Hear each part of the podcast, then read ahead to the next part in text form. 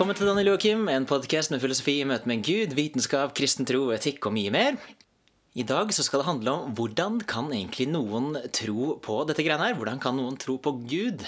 Hvordan er det mulig, i hvert fall for en nordmann i 2018? Og hva hvis man har lyst til å tro, men rett og slett ikke klarer det?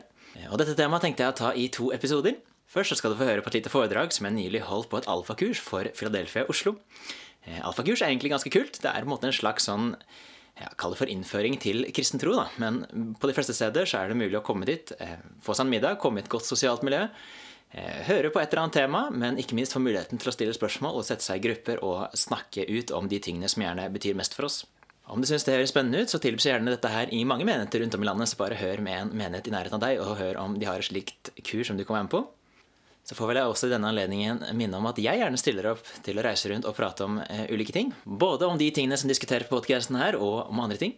Eh, det er mulig å ta bestillinger. Det er mulig å tilpasse et budskap til uh, et visst publikum. Om det er skeptikere, om det er mennesker som har vært kristne hele livet, om det er unge, om det er eldre.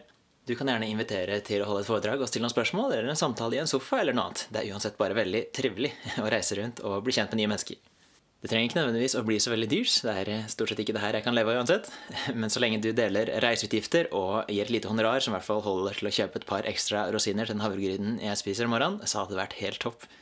Hvis det kunne vært aktuelt, så må du gjerne bare ta kontakt på Facebook eller sende en mail til danieljoakim.org, og så kan vi snakke sammen og høre om det er et eller annet som kan fungere.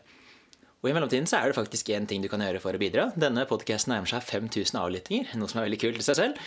Men du kan bidra til det selvfølgelig ved å tipse vennene dine om at de kan finne podkast ved navn Daniel Joakim, men også ved å gå inn på iTunes, søke opp denne podkasten og rett og slett gi den en stjernerating og en review, for da blir det også mulighet for flere eh, som kanskje ikke trodde at de var interessert i disse temaene her, etter å høre om det. Men nå skal du høre første del av Hvordan kan noen tro?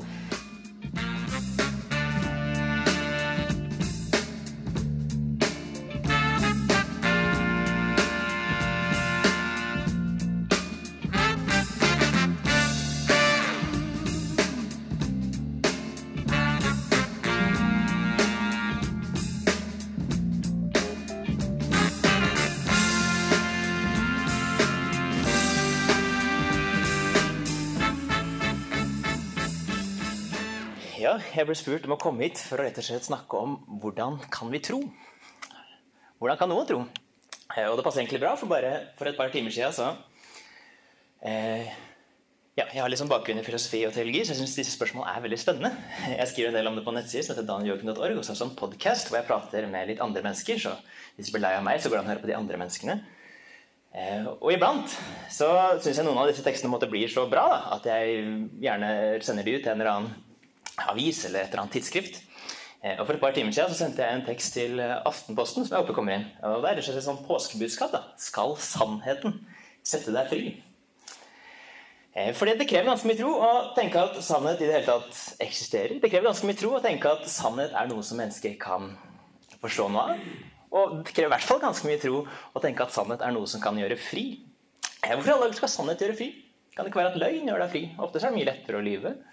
Hvorfor, er det på en måte sånn, hvorfor skal vi tenke at det finnes en sånn connection mellom sannhet og tro?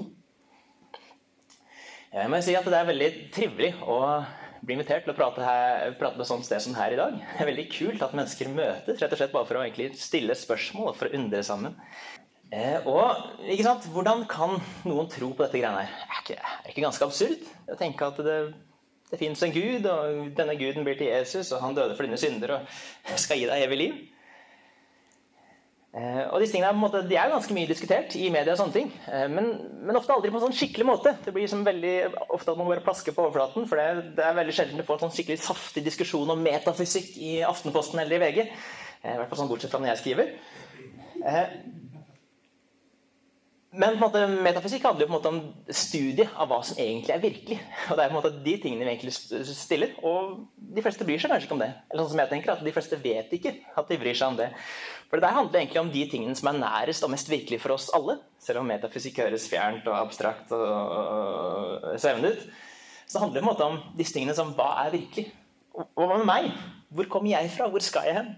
Fins det mening? Fins det godhet? Alle disse tingene som jeg måtte trakter etter i hverdagen, er de på en måte noe ekte, eller er det bare illusjoner? Er det bare en livsløgn som jeg skaper for meg selv, slik at jeg i hvert fall kan holde ut til jeg dør?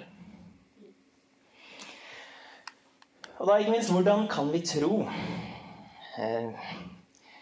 Og jeg tenker jo det at ofte når du hører i hvert fall liksom aggressive sekulære aggressive ateister prate om tro, så prater de ganske, ofte ganske sånn negativt om det.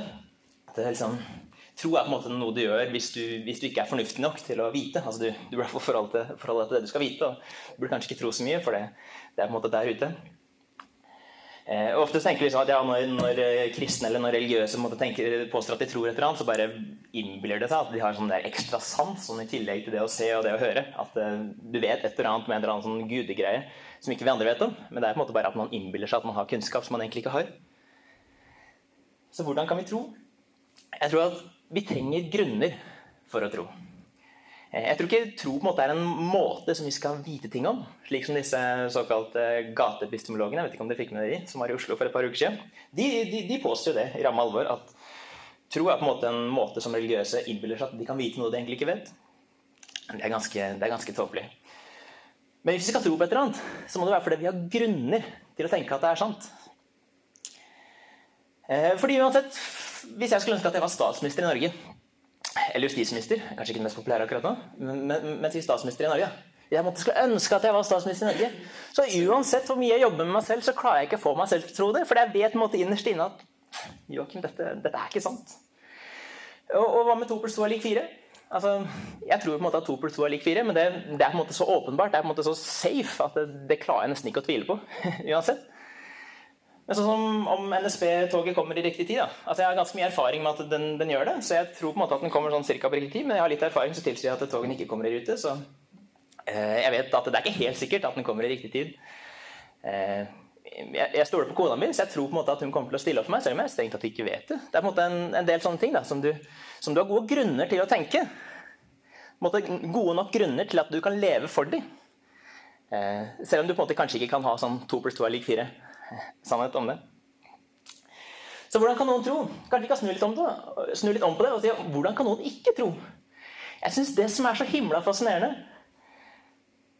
eh, er på en måte å tenke at ja, de menneskene som gikk før oss Hvis du ser på hele verdenshistorien av mennesker, så ser du at gjennom hele verdenshistorien så har jo så å si alle har på en måte 99 nesten tatt Gud, Gud eller i hvert fall et eller annet guddommelig som en slags sånn selvfølge. Da.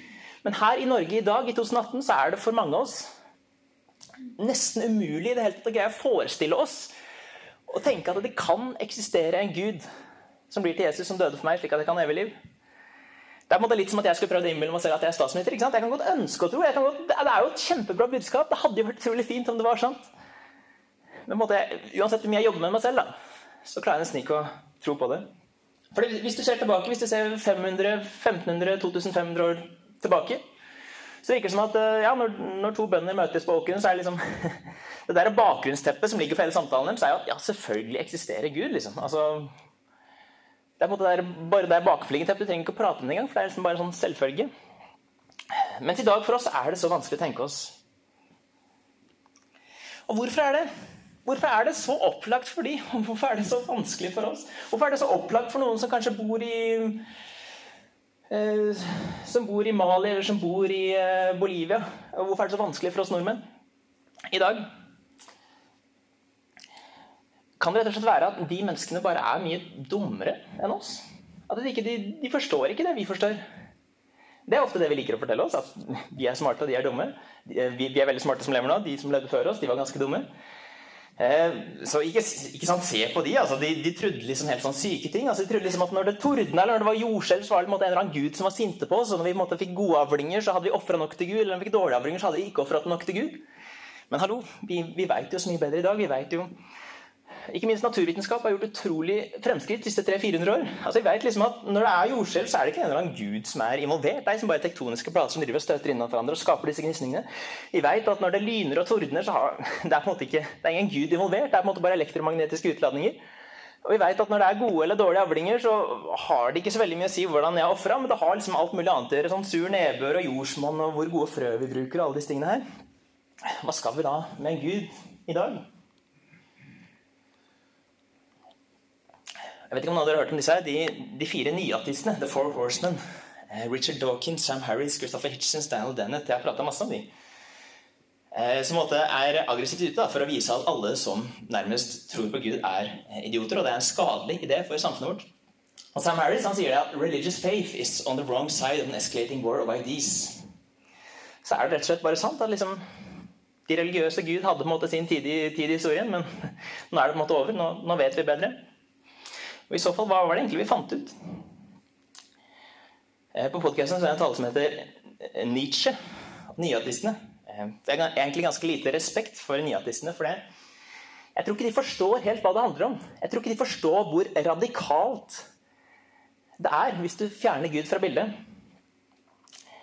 Eh, det virker som at For nyartistene så er det om du tror på Gud eller ikke tror på Gud, det, liksom, det, har, det spiller ingen rolle for alt annet. Det er som, som, om du holder med Manchester United eller om du holder med Liverpool. Altså, for noen så er det kanskje ramme alvor, men for de fleste av oss er det måte, sånn ganske lite valg i livet da, som ikke måte, påvirke så veldig mye annet. slik at om du, om du, heier på Manchester United eller Liverpool, så går på en måte livet som videre ellers. Om du tror på Gud eller ikke tror på Gud, om du går i kirka eller ikke går i kirka, så går på en måte livet videre som ellers. Har på en ikke så mye å si.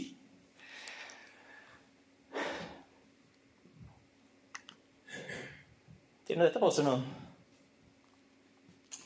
Men så er det en som jeg er veldig glad i, min favorittatist, Friedrich Nietzsche.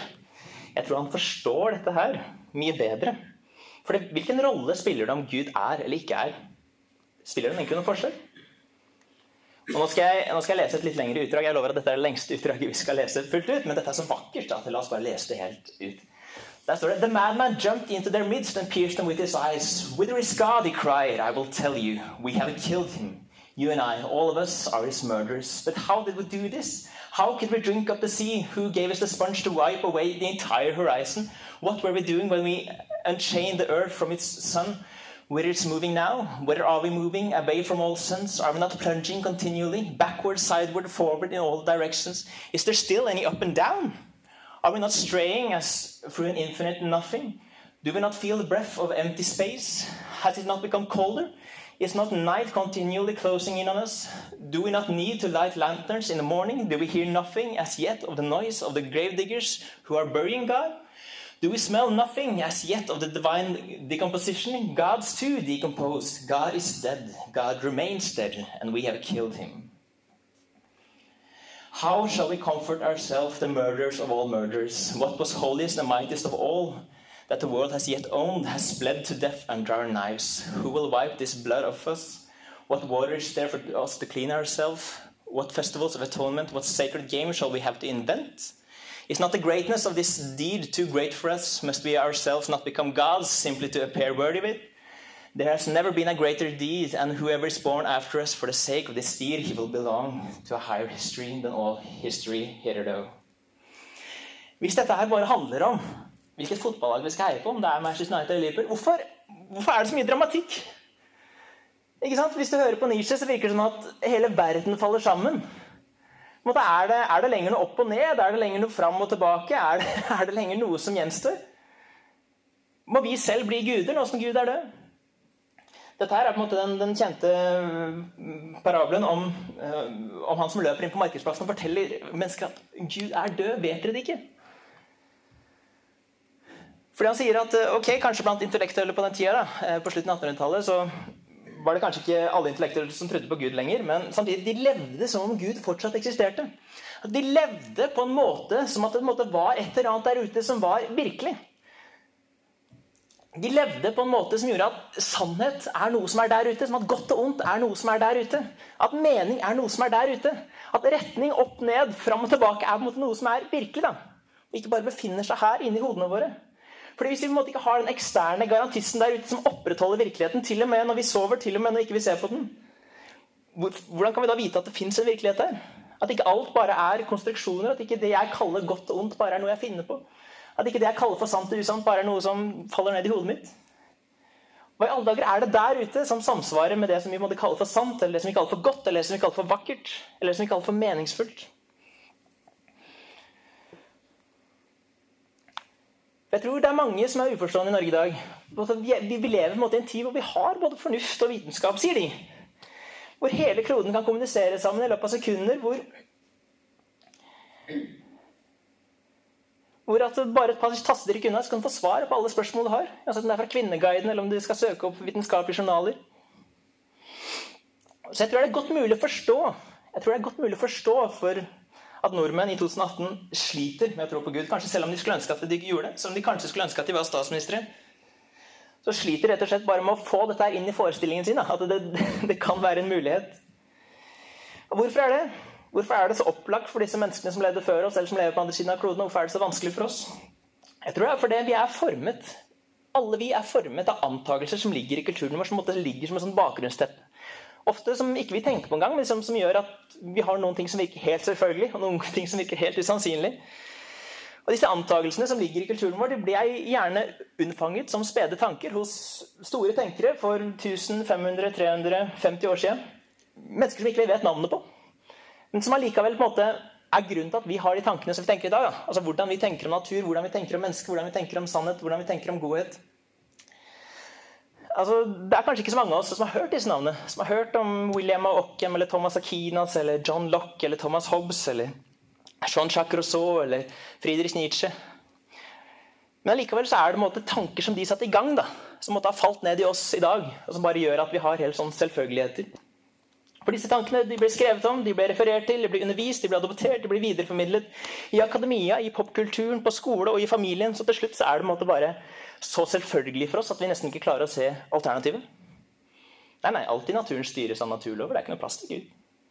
Og disse naturlovene de, de er bare sånn helt opplagte. De trenger ikke en forklaring. De bare, de bare er. En av mine favorittfilosofer heter Charles Taylor. Han skriver mye om dette. her. Han, han skriver om såkalte metanarrativ. At vi, vi, mennesker vi er historiefortellere, først og fremst. Hvis jeg, hvis jeg spør deg hvem er du så begynner ikke du å ramse opp masse sånne datapunkter. At jo, jeg, jeg, er født der og der, og jeg veier så og så mye, og jeg, bestå, eh, jeg, er så og så høy, og dette er far min, og dette er mor min, og jeg består av så og så mye Kroppen min består av så og så mye jod, så og så mye, så og så mye nitrogen, så og så mye sånn og så og så mye sånn. Nei, vi, vi, forteller jo gjerne historier. Vi forteller på en måte gjerne noen historier om hvor vi kommer fra, om hva som er viktig for oss her og nå, og hvor vi skal hen. Og litt samme er det med kulturen vår. At kulturen vår, den, den Kulturen vår er på en måte et slags historiefortellende samfunn. Da. Jeg tenker Ofte så er det derfor vi sliter så mye med å si at hva er egentlig kristne verdier, eller hva er egentlig norsk kultur, eller hva er egentlig norske verdier? Fordi Det fins ikke en sånn rekke datapunkter du kan ramse opp, men det er liksom litt mer sånn historier. da. Vi tviler ikke på at det er noe som er norsk, norsk kultur eller norske verdier. Men det er veldig vanskelig å måte fange opp i en sånn punktliste. Og Alistair McIntyre han sier det at eh, måte, det viktigste oppdragene, det viktigste sånn, moralske verktøyet vi har i ethvert samfunn, er de historiene vi forteller hverandre. Fordi lenge før du måte, sender barna dine på universitetet, og de får lære om pliktetikk og konsekvensetikk, og eh, alle disse tingene her, så har du fortalt dem masse historier. Så måte, Hva slags historier da, som de vokser opp med, det er så utrolig viktig. Og hva som blir formidla i de historiene, f.eks. den barmhjertige samaritan. Eller hvordan Jesus møtte mennesker. Og så har du på en måte andre typer historier fra andre typer kulturer. Vi forteller hverandre historier. Og I dag så er det en del konkurrerende historier. Du har, men de, måte, grunnstrukturen til disse historiene er ganske like. da. Uansett om du er en kristen eller om du er en ateist. Fordi En kristen vil kanskje si at vi, vi kommer fra et sted. Det har vært en skapelse. Men så skjedde det et eller annet som gjorde at ting er ikke helt bra. Det skjedde måte, et fall. Men, men, men, fremdeles, det skjer et eller annet på veien her som gjør at håp skapes. Det er, en, måte, det er en mulighet allikevel. Altså, Jesus dør og står opp. Til, måte, vi, skal, vi skal fram mot et eller annet der framme som kommer til å redde oss, som kommer til å frelse oss, som kommer til å, som kommer til å sikre at alt blir bra. Men på, en måte på samme måte så har det sekulære Norge har en slags sånn En ganske tilsvarende historie, egentlig. Eh, du har på en måte en skapelsesnarrativ om at eh, et sted langt der tilbake så starta alt, og da på en måte var ting egentlig ganske bra. Men så skjer det et fall, bare for disse sekulære Eh, progressive, så er måte, det fallet er at mennesker blir religiøse, mennesker blir overtroiske. At måte, Rasjonaliteten, fornuften, vinner ikke fram. Men heldigvis så skjer det et eller annet. og det er at På 1700-1800-tallet kommer opplysningstiden og de kommer naturvitenskapelige metodene. Og plutselig så endres alt. Plutselig så er det håp igjen. Og et eller annet sted der framme så ligger paradis, hvor alt kommer til å bli bra. og Det er, måte, det er, sånn, det er et sånt samfunn da, hvor fornuften og vitenskapen regjerer. Eh, og da hvor overtro og religion ikke er noe mer. Så jeg tror, jeg tror det er en av grunnene til at mennesker blir så aggressive i vår kultur når vi prater om religion. for det Enten så, enten så har du det nært hjertet, eller så har du den der forestillingen den der narrativet om at eh, dette er, det er på en måte dette som hindrer deg fra å bli lykkelig. Det er dette som hindrer samfunnet fra å bli bra. Fordi mennesker er overtroiske og tenker ikke ordentlig. Som gjør at vi kan bli gode, som gjør at vi, gjør at vi kan få et godt samfunn. Så Det er en del sånn konkurrerende narrativ da, som spiller mot hverandre. Altså, det er ikke, bare, det er ikke bare fakta, men det er på en måte historier da, som driver og klasjer mot hverandre. Og Det er en del sånn konkurrerende historier. Eh, men altså det, det som Friedrich Nietzsche prøver å si, er at når Gud er død, så er det ikke bare å fortsette som før. Mens nyatistene måtte bare liker å cruise videre på denne her, eh, kristne armen og late som at ingenting har skjedd. Da late som at de bare har bytta fra Heid på Liverpool til Manchester United. Så sier på en måte Nietzsche at nei, nei. Når Gud er død, når på en måte garantisten der ute er død, så forandres alt. Alt faller sammen. Alt må bygges opp på nytt. Eh, John Gray, en ateistisk filosof på eh, London School of Economics i dag, som jeg på en måte kaller er den, han er den nærmeste arvtakeren til Nietzsche, han sier også en del sånne ting. Han sier at sannhet eh, eller ateisme er på den siste, det er egentlig bare det siste resultatet da, av eh, de kristnes eh, tilbedelse av sannhet. For tilbedelse av sannhet er egentlig en kristen kult. Han sier også det at det å tro at det er noe spesielt med mennesker kontra andre dyr, det er egentlig bare en sånn jødisk-kristen myte. Vi kan ikke forholde oss til det. Eller det å tro at ting blir bedre. Det å tro at måte, historien går mot noe som er bedre. Det å tro at det skjer en slags sånn progresjon. Det er også bare en sånn kristen fortelling. Eh, vi som er ateister, vi, vi kan ikke tro på det. For det måtte både budskapet til Nietzsche og til John Gray å si at når Gud er død, så må vi på en måte revurdere alt. Vi kan ikke, vi kan ikke beholde noen av de selvfølgelighetene jeg hadde, hadde fra før av. Godhet, f.eks. Er det sånn at jeg elsker barna mine, at jeg elsker kona mi? For eksempel? Fordi det er noe ekte der ute i virkeligheten som gjør det godt? Eller er det bare rett og slett fordi jeg er resultatet av en evolusjonsprosess som måtte ha innretta meg på en sånn måte at jeg skal spre genene mine? At når jeg på en måte elsker kona mi eller elsker barna mine, så er det ikke noe ekte der. Det er egentlig bare kjemikalier som utløses i kroppen min. Fordi biologien min er innrettet på en sånn måte, fordi jeg er utvikla fra millioner av år med evolusjon. slik at det er, det er, ikke noe egentlig godt i det at jeg har kjærlighet. Det er ikke noe egentlig ekte ved denne kjærligheten jeg har til barna mine. Eh, men det er rett og slett bare kjemikalier og utvikling, og det er, måte, det er, noe, det er ikke, noe, dypere sannhet til det. Da. Jeg kunne egentlig ikke gjort det annerledes.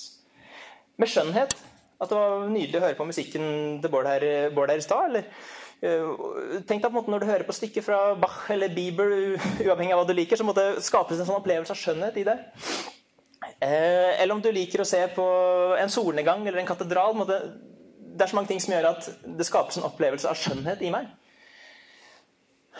Bunner denne skjønnheten i noe som er der ute, i noe som måtte er større? Eller er det rett og slett igjen bare kjemikalier som fyrer løs i kroppen min, som gjør at jeg innbiller meg at jeg føler et eller annet? Og ikke sant, Med sannhet Nietzsche sier at eh, når Gud er død, så fins det ikke noe sannhet. For det fins ikke noe der ute i det hele tatt. Det fins bare perspektiver. Det fins jeg som mener, og det fins du som mener, og det fins du som mener, og det fins du som mener, og kanskje kommer vi sammen og mener noe av det samme, men det fins ikke en måte noe egentlig sannhet der ute. Eller med mening. Fins det egentlig noe mening? Hvis ikke mening måte er noe som er der ute, som kommer der ute fra. Ja, vi, kan si vi, vi, kan si at vi, skaper vår egen mening, men hvordan vet vi at det ikke er en fantasi? At det bare er en ren illusjon? Vi kan si at ting er viktig for oss, men hvordan kan ting være viktig for oss dersom ikke de korresponderer med noe som er der ute, som faktisk er virkelig og meningsfullt? Eller bevissthet, eller fri vilje. Dersom ikke jeg egentlig er fri, men dersom det egentlig bare er atomer eller nevroner som fyrer rundt i hjernen min, som er bestemt av faste naturlover, eh, som gjør at jeg, jeg kunne egentlig gjort, gjort noe annerledes. For det er, ikke noe, det er ikke noe vesensforskjell fra det som skjer i hjernen min, eller det som skjer på en måte når det er steinras. Altså, Steinraset faller uansett. Og de nevronene de fyrer uansett. Det jeg tror er frivillig, det er ikke egentlig noe som helst. Eller fornuft. Fordi når jeg er fornuft, så jeg, tenker jeg at jeg oppdager et eller annet som heter sannhet. Jeg tenker på en måte at jeg oppdager et eller annet som er virkelig. Før meg selv, som er, som er der ute, som befinner seg utenfor min egen hjerne. Men hvordan kan det stemme dersom alt egentlig bare kan reduseres ned til materiebevegelse? Til, til kjemikalier som er styrt av fastbestemte naturlover? Og, men, men, dette er utrolig viktig, for det er, det er, jo det vi trenger for i det hele tatt drive med filosofi eller naturvitenskap. Vi må, måte, vi må i hvert fall ha grunn til å tenke at de tankene jeg har om ting, representerer noe som er ekte, noe som fins der ute, noe som vi kan kalle for meningsfullt sannhet, eller i hvert fall noe som er sannere. Noe som gir oss grunn til å velge, velge det ene framfor det andre. Det er det Nietzsche sier, at ingenting av det her er selvfølgelig. Hvis du forkaster Gud og lever videre som at ingenting har skjedd, så er du egentlig bare intellektuelt lat. Det er derfor han sender denne mannen inn på markedsplassen sin for å rope at Gud er død, men dere skjønner det ikke. Dere lever fortsatt som han er her. Nietzsche sier at dere lever i Buddhas skygge.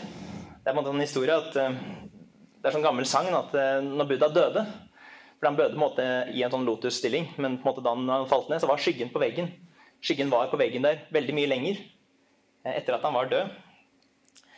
Så På samme måte så er skyggen av Gud ligger fortsatt over samfunnet vårt. Vi lever fortsatt som om det eksisterer en Gud, selv om vi egentlig ikke kan gjøre det. Selv om vi ikke kan leve som om alle disse tingene faktisk er virkelige. Og da er, det, da er, det, veldig mye lettere å bare lene seg tilbake til et narrativ hvor du måtte tenker at ja, men jeg er på lysets side, jeg er på den riktige side, fordi jeg driver med naturvitenskap, jeg driver med fornuft, og dere driver med den kirke og overtroen deres. Men kanskje ikke det er så lett? Kanskje det på en måte egentlig bare er litt sånn der get out of jail free card? At det, det er veldig lett å kjøpe seg fri fra å måtte stille alle disse vanskelige spørsmålene. Som ofte gjør at ja, kommentarfelt på Facebook og nyartister og alt dette her, på en måte blir, det blir veldig kjedelig, for det er ingen stiller, ingen stiller denne type spørsmål. Du bare plasker på overflaten og later som at du har naturvitenskap og fornuft på din side. Uten å måtte tenke gjennom da, hva slags virkelighetsforestilling er det som faktisk rettferdiggjør at dette her kan eksistere. Neste gang du hører at det eksisterer en krig mellom kirke, eller, kirke og naturvitenskap eller kristendom og naturvitenskap, så må du i hvert fall spørre deg selv det spørsmålet at er ikke himla rart? For hvis du bare ser på den kjappe lista her, da Jeg kunne tatt med mange flere. Eh, og Dette det er ikke bare name-dropping, men det er, måte, dette er mange av de menneskene som er grunnen til at vi har i det hele tatt, det som vi kaller for de naturvitenskapelige metoden i dag. Og Det som er litt spesielt med alle disse, her, er at de også er dedikerte troende. Det virker som at de fleste som utvikla de verktøyene som vi har i dag, som vi er så glad i, eh, de var på en måte troende selv. Så hvorfor skal det da være noe sånt stort problem for oss i dag å tenke at ja, men jeg kan være kristen og fremdeles forholde meg til vår beste naturvitenskap? Når ikke dette var noe problem for de som faktisk var med å utvikle de metodene som gjorde at vi fant ut det vi, det vi, det vi vet i dag. Hvor mange av disse var eh, presteskap og nonner og munker og eh, katolske prester og det som var?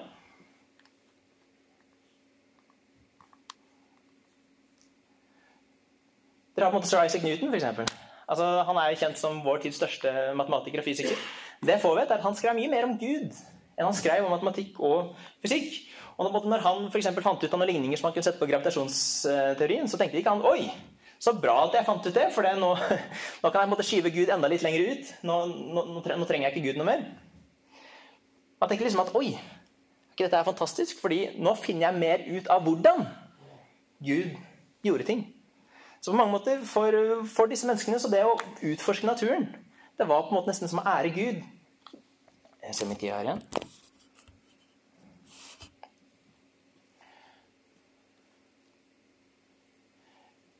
Fordi I kristen teologi så finnes det noe som kalles generell og spesiell åpenbaring. Det sier at Gud, Gud har åpenbart seg spesielt. For det, det, er ganske tydelig at alle, alle kulturer har på en, måte en eller annen formening om Gud eller om det guddommelige. Så vi kan kanskje tenke at det fins et eller annet ved naturen alene som gjør at vi kan forstå et eller annet om at det står noe bak. Det står noe større bak. Eh, men det er kanskje litt vanskelig å sette ord på det. Så kanskje måte Gud ikke var helt fornøyd med at vi bare skulle ha en eller annen vag, vag intuisjon at det står et eller annet bak, men at han også ønsket at vi skulle vite et eller annet mer om hans natur, om hvem Gud var. Som gjør at eh, han da inspirerer mennesker som skriver en bibel Eh, eller som skriver andre typer bøker. Eller at han faktisk blir menneske i Jesus Kristus og eh, prøver å vise Guds sanne ansikt. Da, for å si det sånn. Men som sagt, den generelle naturlige åpenbaringen forteller at de tingene vi vet om naturen, de peker også på Gud. Så hvorfor i alle dager skal ikke da en vitenskapsmann eller en naturfilosof eh, finne stor mening i det å undersøke naturen? Eh, fordi på, på sett og vis er jo på en måte det å undersøke Guds skaperverk for en som er troende.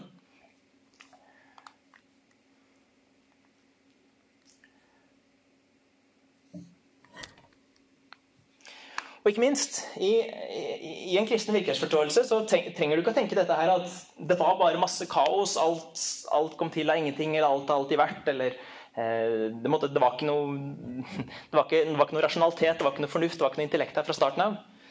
Men allikevel, så på en eller annen måte, så etter eh, x antall milliarder år, så kom det en slags sånn type skapning som et menneske, og vi på et eller annet vis fikk fornuft. Så det er faktisk kristendommen en virkelighetsforståelse som sier at nei, fornuften var der fra starten av. Orden var der fra starten av. Intellekt var der fra starten av. I begynnelsen av Johannes evangeliet står det i begynnelsen var Ordet, eller Logos.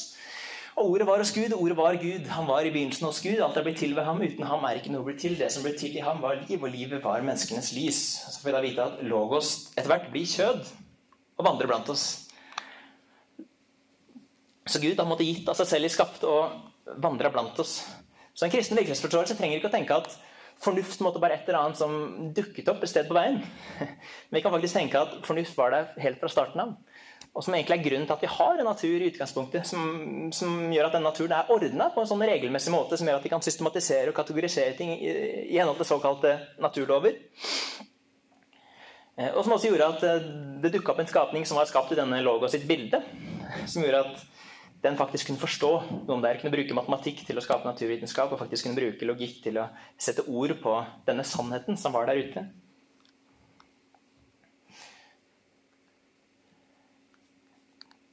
Jeg er snart ferdig nå, men jeg er veldig glad i Thomas Akinas, en munk som levde på 1200-tallet. Og Blant disse menneskene så levde en sånn forestilling om de såkalte transcendentalene. Det vil si at det var, det var, det var på en måte fire. Det var disse sannhet, godhet, skjønnhet.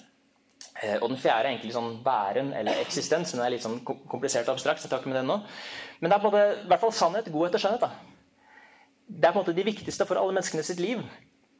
Eh, det er, måte, det er, det som er grunnen til at vi står opp om morgenen. Uansett om vi har en kristen tro eller ikke, så er det fordi vi har noen oppfatninger om hva som er sant, om hva som er godt, om hva som er vakkert. Hvorfor står, folk, hvorfor står du opp om morgenen i det hele tatt? Jo, det er fordi du skal opp og studere et eller annet som gjør at du kan oppnå et eller annet som du tenker er godt.